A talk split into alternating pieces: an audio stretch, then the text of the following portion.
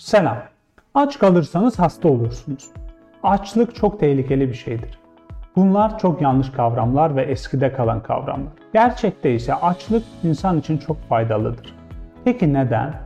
Özellikle insan vücudu harika donanımlara, harika metabolizmaya sahiptir. Bunlardan en önemlisi de otofaji sistemidir. Otofaji vücudun savunma sistemidir. Öncelikle açlık yaşadığınızda vücut strese girer. Strese girmekle birlikte vücudunuzda otofaji denilen sistem aktive olur. Otofaji genel olarak hücre içinde yanlış katlanmış proteinler, yaşlı hücreler, gereksiz bileşiklerin hepsini enerji kaynağı olarak kullanır. Yani şöyle düşünün, vücudunuz strese girdi, aç.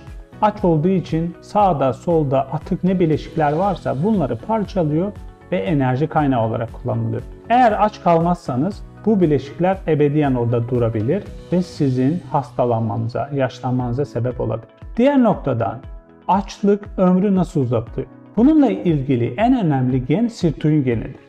Sirtuin geni açlıkla birlikte aktive olur.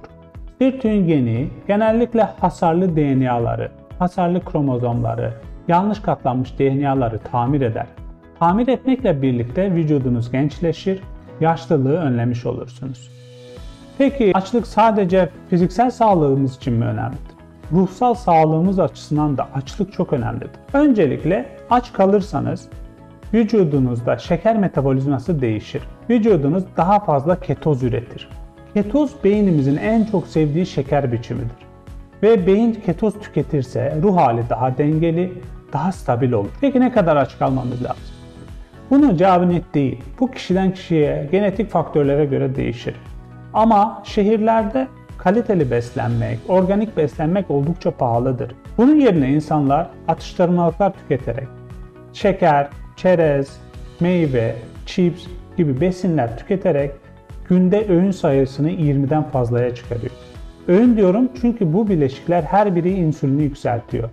Aslında çok yemekle az yemek arasında hiçbir fark yoktur. Nasıl sağlıklı beslenebiliriz? Bunun için en önemli beslenme alışkanlığı aralıklı oruç beslenme şeklidir. Örnek verirsek, diyelim ki siz sabah 8'de kahvaltı yapıyorsunuz ve akşam yemeğini 12'de yiyorsunuz.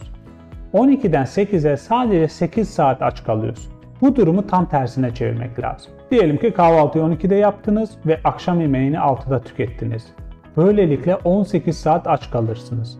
Ve 18 saat aç kaldığınızda otofaji sistemini aktive edersiniz, sirtuin genlerini aktive edersiniz. Böylelikle daha genç ve sağlıklı kalırsınız. Peki aç kalmak herkes için uygun mudur? Aç kalmak herkes için uygun değil tabii ki. Özellikle hamileler, bebekler, tip 1 diyabet hastaları, kanser hastaları için aç kalmak tehlikelidir. Bunların düzenli beslenmesi, sağlıklı beslenmesi çok önemli.